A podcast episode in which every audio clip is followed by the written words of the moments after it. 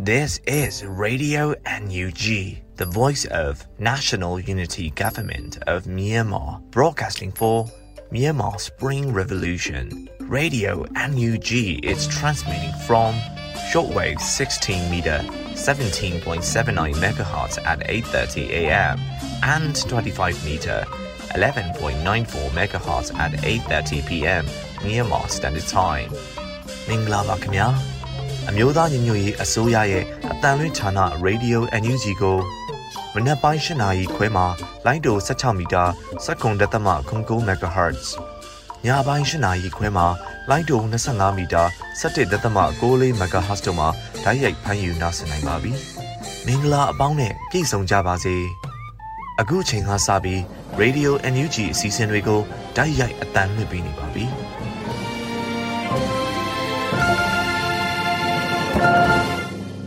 မြန်မာနိုင်ငံသူနိုင်ငံသားအပေါင်းတဘာဝပြီးစစ်အာဏာရှင်ဘေးတို့ကနေကင်းဝေးပြီးကိုစိတ်နှပါကြမ်းမှလုံခြုံကြပါစေလို့ Radio NUG အဖွဲ့သားများကဆုတောင်းမေတ္တာပို့သလာရပါတယ်ရှင်။ကာကွယ်ဦးညီဌာနရဲ့စီရေးတဲ့အကျဉ်းချုပ်ကိုရန်နိုင်မှတင်ဆက်ပေးမှာဖြစ်ပါတယ်ရှင်။ကာကွယ်ဦးဝန်ကြီးဌာနအမျိုးသားညီညွတ်ရေးဆိုရမှထုတ်ဝေတဲ့နေ့စဉ်စီရေးသတင်းချင်းချုပ်ကိုကျွန်တော်ရန်နိုင်ကတင်ဆက်ပေးပါတော့မယ်။ စစ်ကောင်စီနဲ့တိုက်ပွဲဖြစ်ပွားမှုသတင်းကိုတင်ဆက်ပေးပါမယ်။ကယားပြည်နယ်မှာဇန်နဝါရီလ10ရက်နေ့ကလွိုက်ကော်မြို့မိုင်းလုံးရက်ကွက်မှာစစ်ကောင်စီတပ်နဲ့ KNDF တို့တိုက်ပွဲဖြစ်ပွားခဲ့တယ်လို့သိရှိရပါတယ်ခင်ဗျာ။ကရင်ပြည်နယ်မှာဇန်နဝါရီလ17ရက်နေ့မနက်9:00နာရီခန့်ကစပြီးမြောက်ရီမြို့နယ်ဖလူးလေးကျေးရွာမှာစစ်ကောင်စီကလက်နက်ကြီးဖြင့်စတင်ပစ်ခတ်ပြီးတိုက်ပွဲဖြစ်နေကြောင်းသိရှိရပါတယ်ခင်ဗျာ။ ချင်းပြည်နယ်မှာဇန်နဝါရီလ17ရက်နေ့ကမင်းတပ်မြို့နယ်မင်းတပ်မတူပီလန်း38မိုင်မှာ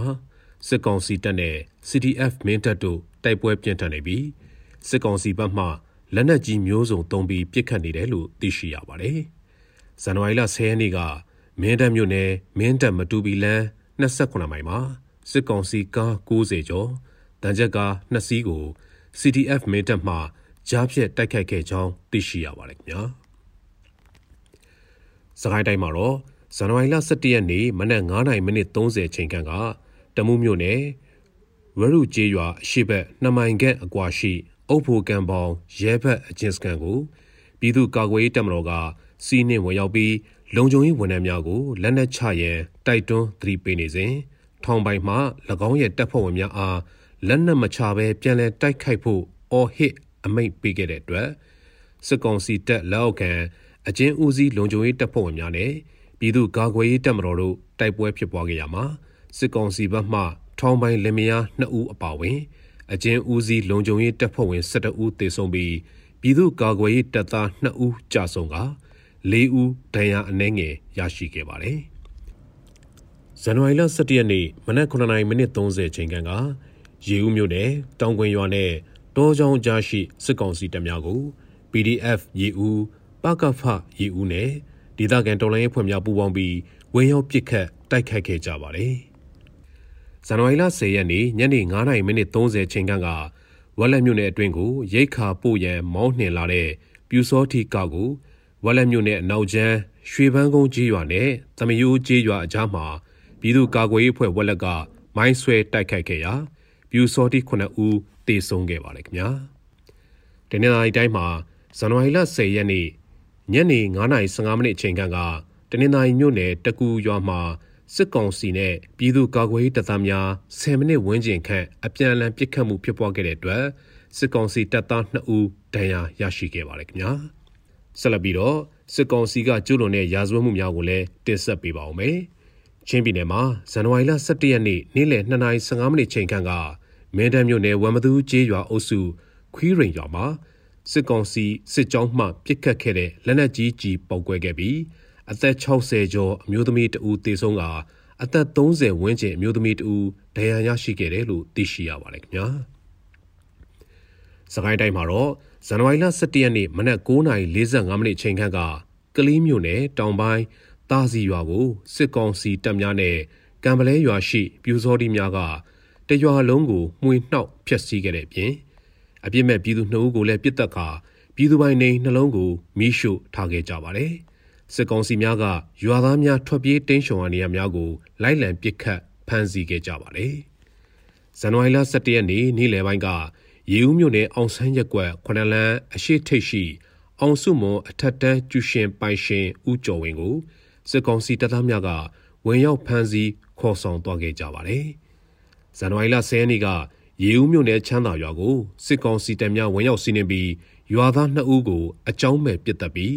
ရွာသား3ဦးကိုလည်းဖမ်းဆီးနှိပ်စက်သွားခဲ့တဲ့အပြင်ပြည်သူပိုင်ပစ္စည်းများကိုလည်းရိုက်ချိုးဖျက်ဆီးကာတံမိုးကြီးပစ္စည်းများကိုလည်းအကြမ်းဖက်ယူဆောင်သွားခဲ့ကြပါတယ်ခင်ဗျာမန္တလေးတိုင်းမှာဇန်နဝါရီလ17ရက်နေ့ကတောင်သာမြို့နယ်အမျိုးသားဒီမိုကရေစီအဖွဲ့ချုပ်မြို့နယ်အတွင်းမှဦးအောင်ကျော်ခိုင်ရဲ့နေအိမ်ကို စစ်ကောင်စီအင်အားရှိဦးဖြင့်ဝင်ရောက်စီးနှင်းရှာဖွေခဲ့ပြီးနေအိမ်ဆောက်နေသူတအုပ်ကိုအကြမ်းဖက်ဖမ်းဆီးသွားခဲ့ကြပါတယ်။ဇန်နဝါရီလ10ရက်နေ့ကမြင်းရံမြို့နယ်ရွာသားရကျေးရွာနီမှာစိုက်ကယ်စီးလာတဲ့ပြည်သူ2ဦးကိုစစ်ကောင်စီများကဖမ်းဆီးသွားခဲ့ကြပါတယ်ခင်ဗျာ။အခုတင်ဆက်ပေးခဲ့တဲ့နေ့စဉ်စီရေးသတင်းအကျဉ်းချုပ်များကိုတော့မြေပြင်သတင်းတာဝန်ခံများနဲ့သတင်းဌာနများကဖော်ပြလာတဲ့အချက်အလက်များပေါ်မှာအခြေခံပြုစုထားတာပဲဖြစ်ပါတယ်။ Radio NUG မှာဆက်လက်အသံလွှင့်နေပါတယ်။အခုဆက်လက်ပြီးနောက်ဆုံးရပြည်တွင်းသတင်းများကိုအေရီမှတင်ဆက်ပေးမှာဖြစ်ပါတယ်ရှင်။မင်္ဂလာပါရှင်အခုချိန်ကစပြီး Radio NUG ညပိုင်းသတင်းများကိုတင်ပြပေးတော့မှာဖြစ်ပါတယ်အခုတင်ပြပေးမယ့်သတင်းတွေကိုတော့ Radio NUG သတင်းတာဝန်ခံနေနဲ့ခိုင်လုံတဲ့မိဖက်သတင်းအရင်းမြစ်တွေကနေအခြေခံထားတာဖြစ်ပါတယ်ကျွန်မကတော့ Airy ပါရှင် ပထမဆုံးအနေနဲ့ပြည်ထောင်စုလွှတ်တော်ကိုစားပြုကော်မတီနဲ့မြန်မာနိုင်ငံဆိုင်ရာအကြံပေးကောင်စီ SACM တို့အကြားတွေ့ဆုံဆွေးနွေးခဲ့တဲ့သတင်းကိုတင်ပြပေးပါမယ်။ပြည်ထောင်စုလွှတ်တော်ကိုစားပြုကော်မတီနဲ့မြန်မာနိုင်ငံဆိုင်ရာအကြံပေးကောင်စီ Special Advisory Council for Myanmar တို့တွေ့ဆုံဆွေးနွေးပွဲကို2022ခုနှစ်ဇန်နဝါရီလ17ရက်နေ့မြန်မာစံတော်ချိန်ညနေ6နာရီခွဲအချိန်မှာကျင်းပခဲ့တယ်လို့သိရှိရပါတယ်။ ပြည်အောင်စုလွှတ်တော်ကိုစားပြုကော်မတီဥက္ကဋ္ဌကအမှားစကားပြောကြားရမှာမြန်မာပြည်သူတွေအတွက်ကူညီဆောင်ရွက်ပေးနေမှုတွေနဲ့အကြမ်းဖက်စစ်ကောင်စီတပ်ဖွဲ့ဝင်တွေကကျူးလွန်လျက်ရှိတဲ့အကြမ်းဖက်မှုလုပ်ရက်တွေကိုပြည်သူအားလုံးနဲ့ကဘာကသိရှိနိုင်ရေးဆောင်ရွက်ပေးနေမှုတွေအတွက်မြန်မာပြည်သူတွေကိုစားကျေးဇူးတင်ရှိပါကြောင်း အထူးအကြံပေးကောင်စီရဲ့ဆောင်ရွက်ချက်တွေကိုစတင်ဖွဲ့စည်းချိန်ကစလို့တွေ့မြင်နေရပြီးထိရောက်တဲ့ဆောင်ရွက်ချက်တွေအဖြစ်သုံးသပ်မိပါကြောင်းအကြမ်းဖက်စစ်ကောင်စီတပ်တွေကကျူးလွန်လျက်ရှိတဲ့လူအခွင့်အရေးချိုးဖောက်မှုတွေရာဇဝတ်မှုတွေနဲ့ပတ်သက်ပြီးအမျိုးသားညီညွတ်ရေးအစိုးရလူအခွင့်အရေးဝန်ကြီးဌာနကနိုင်ငံတကာဥပဒေတွေနဲ့အညီတရားစွဲဆိုနိုင်ရေး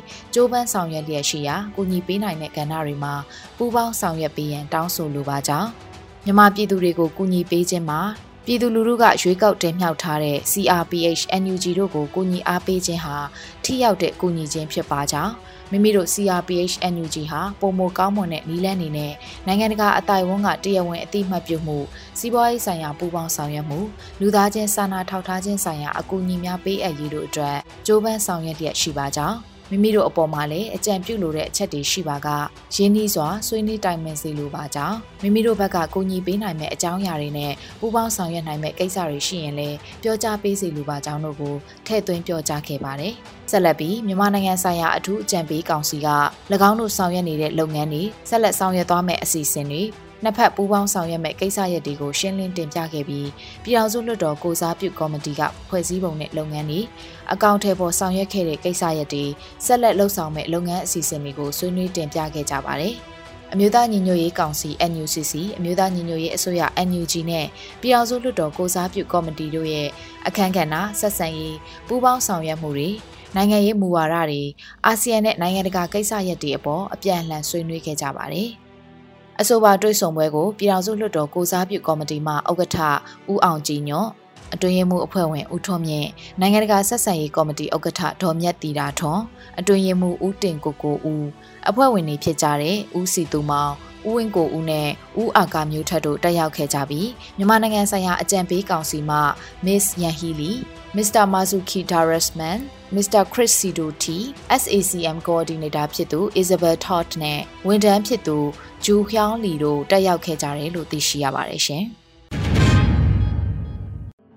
ဆက်လက်ပြီးဂျာမနီနိုင်ငံရောက်မြန်မာနွယ်ဘွားတော်လှန်ရေးအင်အားစုတွေနဲ့အမျိုးသားညီညွတ်ရေးအစိုးရ NUG ပြည်ထောင်ရေးဝန်ကြီးဌာနပြည်ထောင်စုဝန်ကြီးဦးလွင်ကိုလက်တို့တွေ့ဆုံပွဲကျင်းပခဲ့တဲ့တဲ့တင်ကိုတင်ပြပေးပါမယ်။ CRPH NUG Support Team Germany Deutschland ကစီစဉ်တဲ့တိုင်းရင်းသားမိသားစုတွေနဲ့ NUG ပြည်ထောင်စုဝန်ကြီးဦးလွင်ကိုလက်နဲ့တွေ့ဆုံပွဲကိုဇန်နဝါရီလ9ရက်နေ့က online meeting အဖြစ်ကျင်းပခဲ့ကြပါတယ်။ တွေ့ဆုံပွဲကိုချင်းကချင်ဇိုမီရိုဟင်ဂျာမိသားစုတွေနဲ့ EU နိုင်ငံတွေရောက်မြန်မာမိသားစုအဖွဲ့အစည်းတွေတက်ရောက်ခဲ့ကြတယ်လို့သိရပါတယ်။ပြည်အောင်စုဝင်ကြီးဦးလွင်ကိုလက်ကတက်ရောက်လာသူတွေကို Team Germany ကနေပူးပေါင်းဆောင်ရွက်နေတဲ့အဖွဲ့အစည်းတွေအားလုံးနဲ့တွေ့ရတာဝမ်းသာဂုဏ်ယူပါတယ်။တော်လရေးစတင်ကလေးကဒီဇိုင်းမက်မက်ပါဝင်ကူညီဆောင်ရွက်နေကြတဲ့ DNR တွေကြောင့်လည်းကျွန်တော်တို့လိုချင်တဲ့ပန်းနိုင်ကိုရောက်မယ်ဆိုတာခိုင်ခိုင်မာမာပြောနိုင်ပါတယ်လို့နှုတ်ခွန်းဆက်စကားပြောကြားပါတယ်။ ဆက်လက်ပြီး CRPH NUCC မှသည် NUG အထိအဆင့်ဆင့်ပေါ်ပေါက်လာပုံမြန်မာပြည်ရဲ့တမိုင်းမှာဘယ်တော့မှမရရှိခဲ့ဘူးတဲ့ EAO 28ဖွဲ့ပါဝင်စုစည်းထားတဲ့ NUCC ရဲ့ Federal Charter ကိုအဆင့်ဆင့်ပြင်ဆင်တည်ဖြတ်လာခြင်းနိုင်ငံရေးမဟာမိတ်မှသည်စီးရေးမဟာမိတ်တွေအဖြစ်ပူးပေါင်းဆောင်ရွက်လျက်ရှိကြောင်း လက်ရှိပြည်သူ့ကာကွယ်ရေးစစ်ပွဲမှာလက်နက်ပံ့ပိုးထားရှိမှုကိုအထူးအလေးထားဆောင်ရွက်နေကြောင်းနဲ့လက်ရှိတောင်ပိုင်းတိုင်းရဲ့မြေပြင်အခြေအနေတွေနဲ့ဆက်လင်းသောကိစ္စရပ်တွေကိုရှင်းလင်းပြောကြားခဲ့ပါတယ်။ဆက်လက်ပြီးငွေတိုက်စာချုပ်တွေရောင်းချရမှာ NUG ကသာမက တိုင်းရင်းသားအဖွဲ့အစည်းတွေကလည်းမိမိတို့ရဲ့ဗန်တွေကိုအသုံးပြုပြီးဓာတ်ရိုက်ရောင်းချသွားမှာဖြစ်ပြီးရောင်းချရတဲ့စီးရင်တွေကိုသာ NUG ထံပြန်လည်တင်ပြရမှာဖြစ်ပါတယ်။ရောင်းရငွေကိုမိမိတို့ပြည်내အလိုက်စီမံခန့်ခွဲပြီးလိုအပ်တဲ့နေရာတွေမှာသုံးစွဲသွားကြဖို့စတဲ့အချက်တွေကိုရှင်းလင်းပြောပြပါတယ်။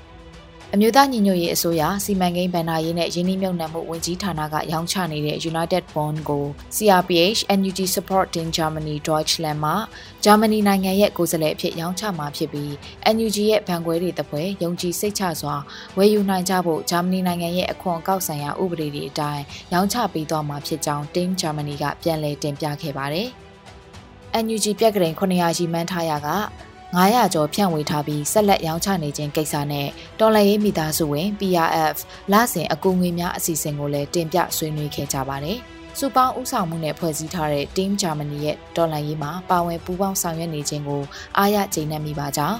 လူတဦးချင်းရဲ့ကြာရနေရာကနေနိုင်ရာတာဝန်ကိုပါဝင်ဆောင်ရွက်နေကြခြင်းကိုမိမိတို့အသင်းကကျေးဇူးတင်ဂုဏ်ယူမိပါကြောင်းနဲ့ပန်းနိုင်အရောက်ဆက်လက်တန်ဆွမ်းသမျှပါဝင်ဆောင်ရွက်သွားပါမယ်လို့ကတိပြုပါကြောင်း Team Germany အဖွဲ့ကပြောကြားသွားပါတယ်။ဒီကုန်းချုပ်အပြင်ပြည်အောင်စုဝင်ကြီးဦးလွင်ကိုလက်ကပြည်ပရောက်တော်လန်ရေးအင်အားစုတွေရဲ့ပူးပေါင်းပါဝင်မှုကြောင့်သာဒီတော်လန်ရေးကြီးဟာဒီလိုအောင်မြင်တိုးတက်မှုတွေရရှိလာနေတာဖြစ်ကြောင်းနဲ့ ဆက်လက်ပြီးဝိုင်းဝန်းကူညီဆောင်ရွက်ပေးကြဖို့ကျွန်တော်တို့မှာလျှို့ဝှက်ချက်ဆိုတာမရှိသလောက်ဖြစ်နေပြီးပွင့်လင်းရင်းနှီးတဲ့တွေးဆုံမှုတွေကြောင့်အားတက်ရသလိုဒီလိုအချိန်မှာအားလုံးအားရှိနေဖို့လိုအပ်တဲ့အတွက်မကြခင်ထပ်မံတွေးဆုံမှမည်အကြောင်းပြောကြားပြီးအစည်းအဝေးကိုအဆုံးသတ်ခဲ့တယ်လို့သိရှိရပါတယ်ရှင်ကျမရေးဝန်ကြီးဌာနအမျိုးသားညီညွတ်ရေးအစိုးရကဇန်နဝါရီလ10ရက်နေ့ရက်စွဲနဲ့ထုတ်ပြန်တဲ့ကျမရေးဆိုင်ရာနှိုးဆော်ချက်တရက်ကိုဖတ်ကြားတင်ပြပေးပါမယ်။ COVID-19 မျိုးရိုးဗီဇသစ် Omicron နဲ့ပတ်သက်ပြီးပြည်သူလူထုကိုအသိပေးနှိုးဆော်ခြင်း2021ခုနှစ်နိုဝင်ဘာလ24ရက်နေ့မှာစတင်တွေ့ရှိခဲ့တဲ့ COVID-19 မျိုးရိုးဗီဇသစ် Omicron ဟာအခုခါမှာကမ္ဘာနိုင်ငံ150ကျော်မှာတွေ့ရှိနေရပြီဖြစ်ပြီးအာဆီယံနိုင်ငံအားလုံးမှာလည်းကူးစက်ဖြစ်ပွားလျက်ရှိပါတယ်။ ကမ္ဘာတဝန်းမှာယောဂကုသခံရသူစုစုပေါင်းတန်းနဲ့ချီ၍ရှိနေပြီဖြစ်ပြီးအသက်ဆုံးရှုံးရမှုတွေလည်းရာနဲ့ချီပြီးရှိနေပြီဖြစ်ပါတယ်။အရင် Delta မျိုးကွဲနဲ့နှိုင်းယှဉ်မယ်ဆိုရင် COVID-19 ကာကွယ်ဆေးထိုးနှံထားသူများမှာယောဂပြင်းထန်မှုလျော့နေတယ်လို့ယူဆရပေမဲ့လည်းတာမန်အပျော်စားယောဂမျိုးကွဲ March လို့တော့မသက်မှတ်တင်ဘူးလို့ကမ္ဘာ့ကျန်းမာရေးအဖွဲ့က2022ခုနှစ်ဇန်နဝါရီလ6ရက်နေ့မှာထုတ်ပြန်ထားပါတယ်။ ကူးစက်မှုနှုန်းအလွန်မြင့်မားတာကြောင့်ဆေးရုံတက်ရောက်ရသူဦးရေမှာအဆမတန်များပြားလာနိုင်ခြေရှိတဲ့အတွက်ကျန်းမာရေးစောင့်ရှောက်မှုစနစ်ကိုပြင်းထန်စွာထိခိုက်စေမှာဖြစ်ပါတယ်။မြန်မာနိုင်ငံမှာ COVID-19 ကာကွယ်ဆေးထိုးလွှမ်းခြုံမှုနှဲပါနေသေးတဲ့အတွက်ယောဂကူးစက်မှုအန္တရာယ်ဆက်လက်မြင့်မားနေမှာဖြစ်ပါတယ်။ ကမ္ဘာနေရအနှံ့ပြားမှာ COVID-19 မျိုးရိုးဗီဇတဲ့ Omicron ကူးစက်ဖြစ်ပွားမှုတွေလွန်စွာမြန်ဆန်များပြားနေတဲ့အလျောက်မြန်မာနိုင်ငံမှာလည်းညားမကြမီအချိန်တွင်းမှာ COVID-19 လှိုင်းအသစ်တစ်ခုတစ်ဖွဲကူးစက်ဖြစ်ပွားလာနိုင်ခြေရှိပါတယ်။ပြည်သူလူထုအနေနဲ့ COVID-19 ကာကွယ်ဆေးထိုးနှံခြင်းအပြင်မဖြစ်မနေလိုက်နာကြရမယ့်ယောဂကာကွယ်ရေးနည်းလမ်းတွေဖြစ်တဲ့ mask တက်ခြင်းလက်ဆေးခြင်းလူစုလူဝေးရှောင်ရှားခြင်းလေဝင်လေထွက်မကောင်းတဲ့အခန်းတွေကိုရှောင်ရှားခြင်း6ပေအကွာမှာခတ်ခွာခွာနေခြင်း ချောင်းဆိုးနှာချေတိုင်းပါဇက်နဲ့နှာခေါင်းကိုလုံးကျုံစွာဖုံးအုပ်ခြင်းလူနာနဲ့လူများမကြာခဏထိတွေ့ကိုင်းတွယ်လေးရှိတဲ့အရာဝတ္ထုမျက်နှာပြင်တွေနဲ့နေရာတွေကိုပိုးသက်တန့်စင်ခြင်းအစရှိတာတွေကိုလိုက်နာဆောင်ရွက်ကြဖို့အထူးအရေးကြီးပါတယ်ဟူ၍ကျန်းမာရေးဝန်ကြီးဌာနအမျိုးသားညီညွတ်ရေးအစိုးရကနှိုးဆော်ချက်ထုတ်ပြန်ထားပါတယ်ရှင်။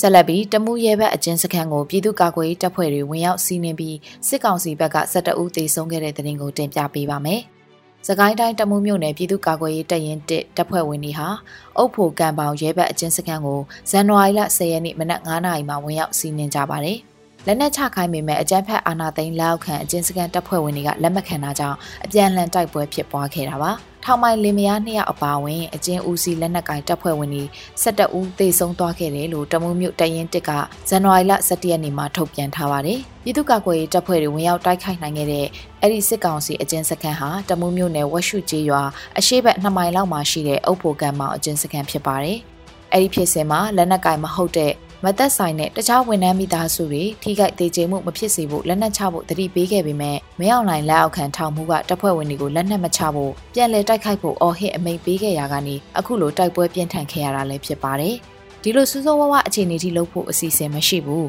သူတို့ကိုထိန်းချုပ်မယ်လက်နက်တွေသိမ်းမယ်ပေါ့ဒီလောက်ပဲစဉ်းစားထားတာအခုကရှုပ်ထွေးမှုတွေဖြစ်ပြီးထိခိုက်မှုတွေဖြစ်ခဲ့တာပေါ့လို့လည်း PDF ဘက်ကပြောပါတယ်အဆိုပါတိုက်ပွဲမှာတမှုတက်ရင်တစ်ကပြည်သူ့ကာကွယ်ရေးတပ်ဖွဲ့ဝင်2ဦးကြဆုံးပြီး ၄ဦးဒဏ်ရာရရှိခဲ့တယ်လို့သိရပါတယ်။အခုလိုတပ်ဖွဲ့ဝင်တွေအသက်ပေးလိုက်ရခြင်းဟာဝန်ထမ်းမိသားစုတွေအပေါ်မိမိတို့ပြည်သူ့ကာကွယ်ရေးတပ်ဖွဲ့ကညတာထောက်ထားခဲ့မိလို့ဖြစ်ကြောင်းလည်းသတင်းထုတ်ပြန်ခဲ့ပါတယ်။ဒါကြောင့်နောက်ထပ်ဒီလိုဖြစ်စဉ်မျိုးထပ်မံဖြစ်ပွားခဲ့ရင်စစ်ကောင်စီလက်အောက်ခံဘယ်အဖွဲ့အစည်းကိုမဆိုဘယ်ဝန်ထမ်းနဲ့သူတို့ရဲ့မိသားစုဝင်ဘသူတဦးတယောက်ကိုမှညတာထောက်ထားဆောင်ရွက်မှာမဟုတ်ဘဲပြက်ပြက်သားသားရှင်းလင်းဆောင်ရွက်သွားမှာဖြစ်တယ်လို့တမှုမျိုးပြည်သူ့ကာကွယ်ရေးတရင်တစ်ကအသိပေးထုတ်ပြန်ကြေညာထားပါတယ်။ ကျွန်တော်တို့ကဝင်စီးပြီးအကုန်လုံးအသာစီးရပြီသားသူတို့မှောက်တဲ့သူလည်းမှောက်နေပြီထောင်မိုင်ကသူကြရင်ကြပါစေမင်းတို့လက်နက်ချလို့မရဘူးဆိုပြီးအမိန်ပေးပြီးမီးကိုဖျက်ချလိုက်တော့ရှုပ်ထွေးကုန်တာကျွန်တော်တို့ဘက်ကတယောက်ကသူတို့ကင်းမော်မှာရှိတဲ့စက်တနက်နဲ့အကုန်လုံးဆွဲပြစ်လိုက်တာအဲ့မှာသူတို့လက်ထိကိုလူလက်ထိဖြစ်ကုန်တာလို့ PDF တမူတရင်တစ်ကဘူဘမှန်ကပြောပါတယ်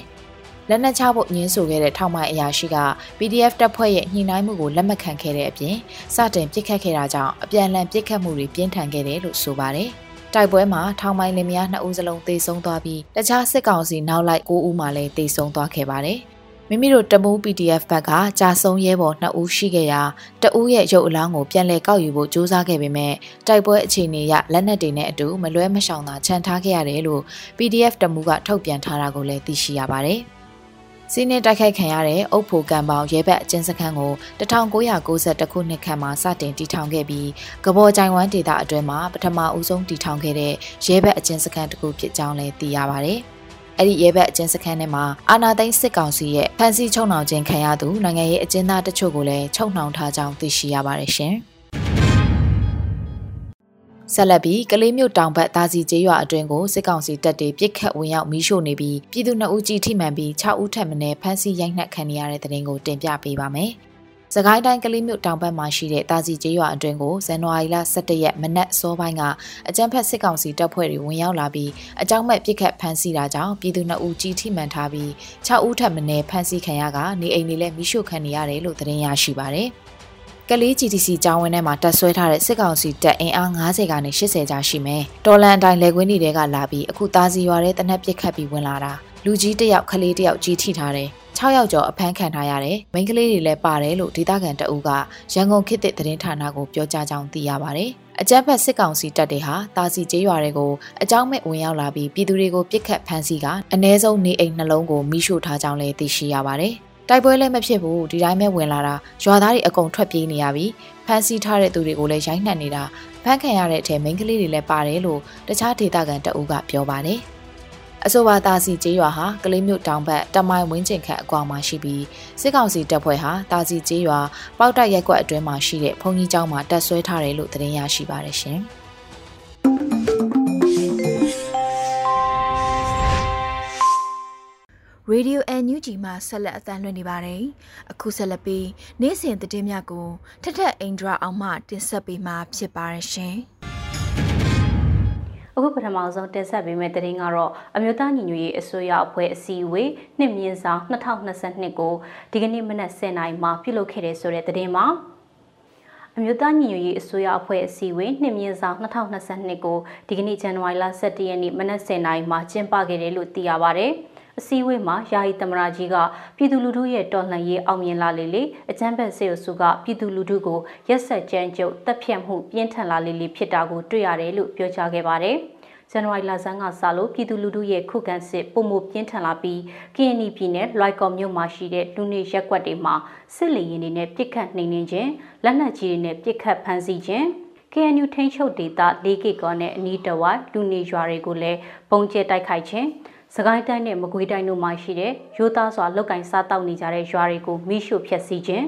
မတရားဖန်ဆီးတပ်ဖြတ်ခြင်းတွေကိုတိုးချဲ့လှုပ်ဆောင်နေတာကိုတွေ့ရတယ်လို့ဆိုပါတယ်။ပြည်သူကိုကာကွယ်ရမယ့်စစ်တပ်ဟာပြည်သူကိုတပ်ဖြတ်တဲ့အကြမ်းဖက်စစ်အုပ်စုဖြစ်သွားပြီဖြစ်တာကြောင့်ပြည်သူလူထုကမိမိတို့အသက်ရှင်ရပ်တည်ရေးအတွက်ပြည်သူခုခံကာကွယ်စစ်ကိုဖွဲ့စည်းလှုပ်ဆောင်နေခြင်းဟာမှန်ကန်တရားမျှတတဲ့လုပ်ရဖြစ်ပါတယ်။ ဒါကြောင့်အကြမ်းဖက်စစ်တပ်မှမလွဲမရှောင်သာဝမ်းစာအတွက်တာဝန်ထမ်းဆောင်နေကြတဲ့ရဲဘော်ရဲဘက်တွေကိုကြိုးအတွက်မျှော်ရည်လောက်ကင်နေကြတဲ့နိုင်ငံရေးပါတီတွေအနေနဲ့ချက်ချင်းပြည်သူတွေဘက်ကိုပြောင်းလဲရပ်တည်ပြီးတော့အကြမ်းဖက်စစ်အုပ်စုကိုတွန်းလှန်ဖို့လိုတယ်လို့တိုက်တွန်းပြောကြားခဲ့ပါတယ်။ မင်းအောင်လှိုင်ရဲ့စစ်ကောင်စီဟာမှန်ကန်ပြီးအားလုံးပါဝင်တဲ့တွေ့ဆုံဆွေးနွေးမှုနဲ့ငြိမ်းချမ်းရေးအဖြေရှာခြင်းကိုမလိုချင်ဘူးဆိုတာကိုမနေ့ကပဲဒေါအောင်ဆန်းစုကြည်ကိုလေးနှစ်ထပ်မံအပြစ်ချလိုက်တာကိုကြည်ချင်းအဖြစ်သိတာကြောင့် UN နဲ့ကမ္ဘာနိုင်ငံအသီးသီးကမြန်မာနိုင်ငံမှာငြိမ်းချမ်းဖို့ဒေသရင်းတည်ငြိမ်မှုကိုလိုချင်ပါကအကြမ်းဖက်စစ်ကောင်စီကိုဖယ်ရှားပြီးပြည်သူလူထုရဲ့စိတ်ဆန္ဒနဲ့အညီဦးဆောင်နေတဲ့အမျိုးသားညီညွတ်ရေးအစိုးရကိုတညီတညွတ်တဲ့အတီးပြုထောက်ခံအားပေးကူညီသွားရန်ထပ်မံပြောကြားလိုကြောင်းပြောကြားခဲ့ပါတယ်။ ပြည်ထောင်စုဝန်ကြီးချုပ်ကပြီးခဲ့တဲ့အစိုးရအဖွဲ့အစည်းအဝေးမှာ၄ကစ်ကောဒေတာစစ်ဘေးရှောင်တွေအတွက်ဆွေးနွေးတိုင်ပင်ဆောင်ရွက်ခဲ့ကြသလိုဒီတစ်ပတ်မှာလည်းကင်းနီဒေတာအတွက်ကျွန်တော်တို့ဆွေးနွေးကြမှာပါအချမ်းဘတ်စစ်ကောင်စီကမဟာမိတ် EAO တွေ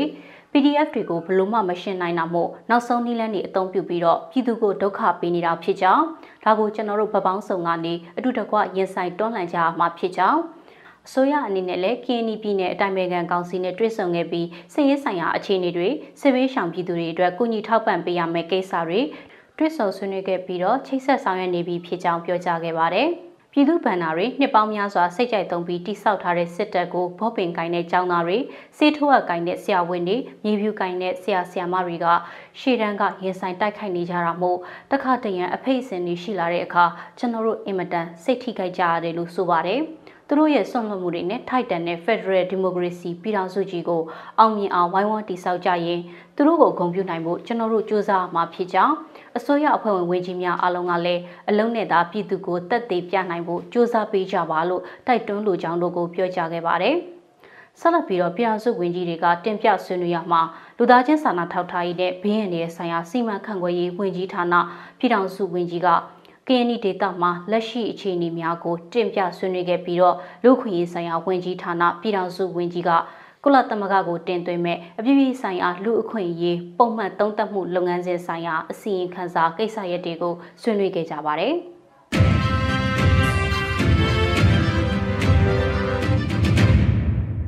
ဆက်လက်ပြီးတော့ KNY ပြည်နယ်အတွင်းဖြစ်ပွားနေတဲ့ကိစ္စရပ်တွေကိုဖြေရှင်းမှုအတွက်အမျိုးသားညီညွတ်ရေးအစိုးရဝန်ကြီးချုပ်ဦးဆောင်တဲ့အဖွဲ့နဲ့ KNY ပြည်အတိုင်းအမြံကောင်စီတို့ကတာဝန်ရှိသူတွေဆွေးနွေးမှုပြုလုပ်ခဲ့တဲ့ဆိုတဲ့သတင်းကိုတင်ဆက်ပေးပါမယ်။ KNY ပြည်တွင်းမှာတိုက်ပွဲတွေပြင်းထန်နေပြီးတော့စစ်ဘေးရှောင်တွေကိုကူညီပေးရေးကိစ္စရပ်တွေအပါအဝင်တခြားသောကိစ္စတွေအတွက်အမျိုးသားညီညွတ်ရေးအစိုးရပြည်ထောင်စုဝန်ကြီးဦးဆောင်တဲ့အဖွဲ့နဲ့ ကင်းနီပြည်နယ်အတိုင်းအမြံကောင်စီကတာဝန်ရှိတဲ့သူတွေအရေးပေါ်တွေ့ဆုံပြီးတော့ဆွေးနွေးမှုတွေလုပ်ခဲ့ကြတယ်လို့ဒီကနေ့ရက်စွဲနဲ့သတင်းထုတ်ပြန်လိုက်ပါတယ်။သတင်းထုတ်ပြန်ချက်မှာဇန်နဝါရီ9ရက်ကပြည်ထောင်စုဝန်ကြီးချုပ်ဦးဆောင်ပြီးကင်းနီပြည်အတိုင်းပင်ခံကောင်စီမှတာဝန်ရှိခေါင်းဆောင်တွေနဲ့အရေးပေါ်တွေ့ဆုံပြီးတော့ လက်ရှိကင်းနီပြည်နယ်မှာဖြစ်ပေါ်နေတဲ့အကြမ်းဖက်စစ်ကောင်စီရဲ့အကြမ်းဖက်လုပ်ရက်တွေနဲ့အယက်သားပြည်သူတွေရင်ဆိုင်ကြုံတွေ့နေရတဲ့အခက်အခဲတွေကိုအတူတကွဖြေရှင်းဆောင်ရွက်နိုင်ဖို့နှစ်ဖက်ရင်းနှီးပွင့်လင်းစွာဆွေးနွေးညှိနှိုင်းခဲ့ကြတယ်လို့ဖော်ပြထားပါတယ်။အကြမ်းဖက်စစ်ကောင်စီတပ်တွေကကျူးလွန်ခဲ့တဲ့လူအခွင့်အရေးချိုးဖောက်မှုတွေအပါအဝင်မြန်မာနိုင်ငံအနှံ့အပြားမှာအကြမ်းဖက်စစ်ကောင်စီကပြုလုပ်နေတဲ့အကြမ်းဖက်မှုတွေအတွက်ပြင်းထန်စွာရှုံချကြောင်းနဲ့ စစ်ကောင်စီကြောင့်ဒုက္ခဆင်းရဲမှုမျိုးစုံကြုံတွေ့နေရတဲ့တိုင်းရင်းသားပြည်သူတွေကိုအမျိုးသားညီညွတ်ရေးအစိုးရအနေနဲ့ပြည်သူအတွက်ပြည်သူသားယက်တီကြမယ်ဆိုတဲ့ဆောင်ပုံနဲ့အညီတက်နိုင်သမျှကုညီထောက်ပံ့မှုတွေလှုံ့ဆော်သွားမှာဖြစ်တယ်လို့ဆိုထားပါတယ်။ကုလသမဂ္ဂအဖွဲ့ကြီးနဲ့အာဆီယံအပါအဝင်လူသားချင်းစာနာထောက်ထားမှုနဲ့လူသားဂုဏ်သိက္ခာကိုအလေးအမြတ်ပြုတံ့ဖိုးထားကြတဲ့နိုင်ငံတကာအတိုင်းအဝန်းအနေနဲ့လည်းအာဏာသိမ်းစစ်ကောင်စီရဲ့အကြမ်းဖက်မှုနဲ့စစ်ရာဇဝဲမှုတွေကိုမျက်ခြေမပြတ်စောင့်ကြည့်သိရှိပြီးတော့ ကရင်ပြည်နယ်ချင်းပြည်နယ်စကိုင်းတိုင်းနဲ့မကွေးတိုင်းတို့အပါအဝင်မြန်မာနိုင်ငံတဝန်းလုံးကအကြမ်းဖက်စစ်ကောင်စီကြောင့်ရဲသားပြည်သူတွေဒုက္ခမျိုးစုံရင်ဆိုင်ကြုံတွေ့ခံစားနေရမှုတွေကိုအမြန်ဆုံးရပ်တန့်နိုင်မှုအတွက်ထိရောက်တဲ့အရေးယူဆောင်ရွက်မှုတွေပြုလုပ်နိုင်ဖို့ထမှန်တိုက်တွန်းပါတယ်ဆိုပြီးထုတ်ပြန်ချက်မှာရေးသားထားတာကိုတွေ့ရပါတယ်။ အခုဆက်လက်ပြီးတော့အာဆီယံအထူးတန်တမန်အနေနဲ့ထိမ့်သိမ်းခံနိုင်ငံတော်သမ္မတနိုင်ငံတော်ရဲ့အတိုင်ပင်ခံပုဂ္ဂိုလ်တို့ကိုလူချင်းတွေ့ဆုံဖို့အကောင့်ထဲဖော်ရမယ်လို့အမျိုးသားညီညွတ်ရေးအစိုးရသတင်းထုတ်ပြန်လိုက်တဲ့ဆိုတဲ့သတင်းမှာ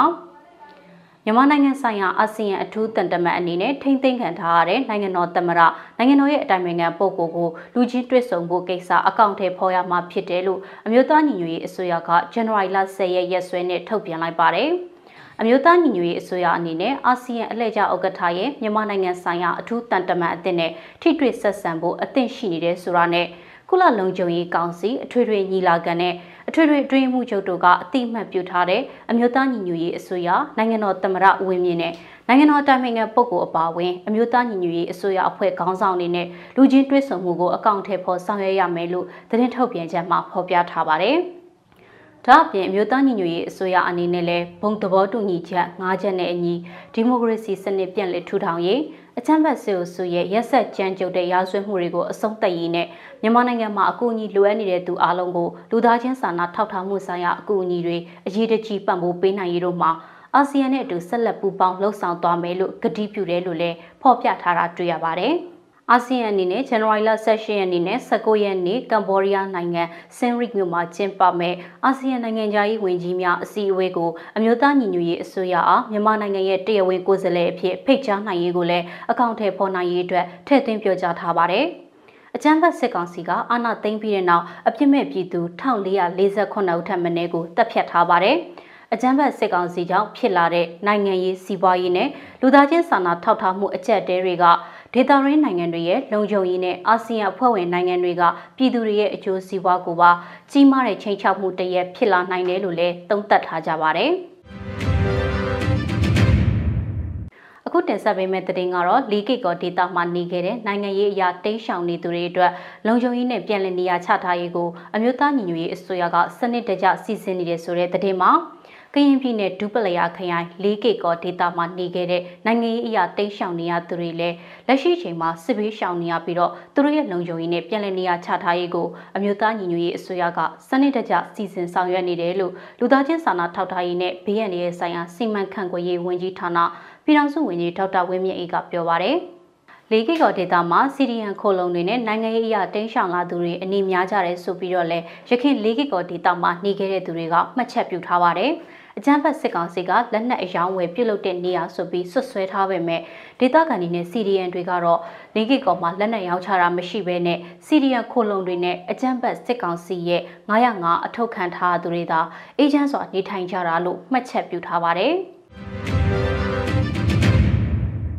ဆက်လက်ပြီးအကြမ်းဖက်စစ်ကောင်စီကိုနိုင်ငံတကာအတိုင်အဝန်းနဲ့အတူဆက်လက်ဖိအားပေးဖို့အရေးကုလသမဂ္ဂဆိုင်ရာအမေရိကန်တန်အမတ်ကြီးပြောကြားလိုက်တဲ့ဆိုတဲ့သတင်းကိုတင်ဆက်ပေးပါမယ်။ မြန်မာနိုင်ငံအတွင်းငြိမ်းချမ်းမှုနဲ့ဒီမိုကရေစီလမ်းကြောင်းပေါ်ပြန်လည်ရောက်ရှိရေးအတွက်အကြမ်းဖက်စစ်ကောင်စီကိုနိုင်ငံတကာအတိုက်အဝန်းနဲ့အတူဆက်လက်ဖိအားပေးရမယ်လို့ကုလသမဂ္ဂဆိုင်ရာအမေရိကန်တပ်အမတ်ကြီးကမနေ့ကပြောကြားလိုက်ပါတယ်။မြန်မာရေးနဲ့ပတ်သက်ပြီးကုလသမဂ္ဂဆိုင်ရာအမေရိကန်တပ်အမတ်ကြီးလင်တာသောမတ်ဂရန်ဖီနဲ့မြန်မာနိုင်ငံဆိုင်ရာကုလသမဂ္ဂအထူးကိုယ်စားလှယ်ဒေါက်တာနိုလီဟေဆာတို့ကအွန်လိုင်းကနေတဆင့်ဆွေးနွေးခဲ့ကြပြီးတော့အခုလိုပြောကြားလိုက်တာပါ။ အကြမ်းဖက်စစ်ကောင်စီအနေနဲ့အာဆီယံမှာသဘောတူထားတဲ့ဘုံသဘောတူညီချက်9ရပ်ကိုအကောင့်ထဲပေါ်ဖို့ဘေးကင်းလုံခြုံရေးနဲ့လူသားစာနာမှုအကူအညီတွေနှောင့်နှေးကြန့်ကြာမှုမရှိဘဲဝင်ခွင့်ပြုရေးတို့အတွက်လည်းမြန်မာနိုင်ငံဆိုင်ရာကုလသမဂ္ဂအထူးကိုယ်စားလှယ်ဒေါက်တာနိုလင်းဟေဇာနဲ့ဆွေးနွေးခဲ့ကြတာဖြစ်တယ်လို့သတင်းထုတ်ပြန်ပါတယ်။မြန်မာနိုင်ငံဆိုင်ရာကုလသမဂ္ဂအထူးကိုယ်စားလှယ်ဒေါက်တာနိုလင်းဟေဇာကလည်း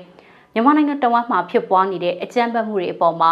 အလုံးကိုစိုးရိမ်ကြောင်းပြောကြားထားပါတယ်။ဒီကနေ့ကတော့ ဒီညနေပဲ Radio NUG ရဲ့အစည်းအဝေးတွေကိုခਿੱတရရနိုင်ပါမယ်။မြန်မာစံတော်ချိန်မနက်၈နာရီခွဲနဲ့ည၈နာရီခွဲအချိန်တွေမှာပြန်လည်ဆုံးဖြတ်ကြပါစို့။ Radio NUG ကိုမနက်ပိုင်း၈နာရီခွဲမှာလိုင်းဒို16မီတာစက္ကန့်တသမ9 MHz ညပိုင်း၈နာရီခွဲမှာလိုင်းဒို25မီတာ17သမ9 MHz တို့မှာဓာတ်ရိုက်ဖမ်းယူနိုင်ပါပြီ။မြန်မာနိုင်ငံသူနိုင်ငံသားများကိုစိတ်နှပြကျမ်းမာချမ်းသာလို့ဘေးကင်းလုံခြုံကြပါစေလို့ Radio NUG အဖွဲ့သူအဖွဲ့သားများကဆုတောင်းလိုက်ရပါတယ်။အမျိုးသားညီညွတ်ရေးအစိုးရရဲ့စက်သွေးရေးတရင်အချက်အလက်နဲ့ဤပညာဝန်ကြီးဌာနကထုတ်လွှင့်နေတဲ့ Radio NUG ဖြစ်ပါတယ်။ San Francisco Bay Area အခြေစိုက်မြန်မာမိသားစုများနဲ့နိုင်ငံတကာကစေတနာရှင်များလှုပ်အားပေးများရဲ့ Radio NUG ဖြစ်ပါတယ်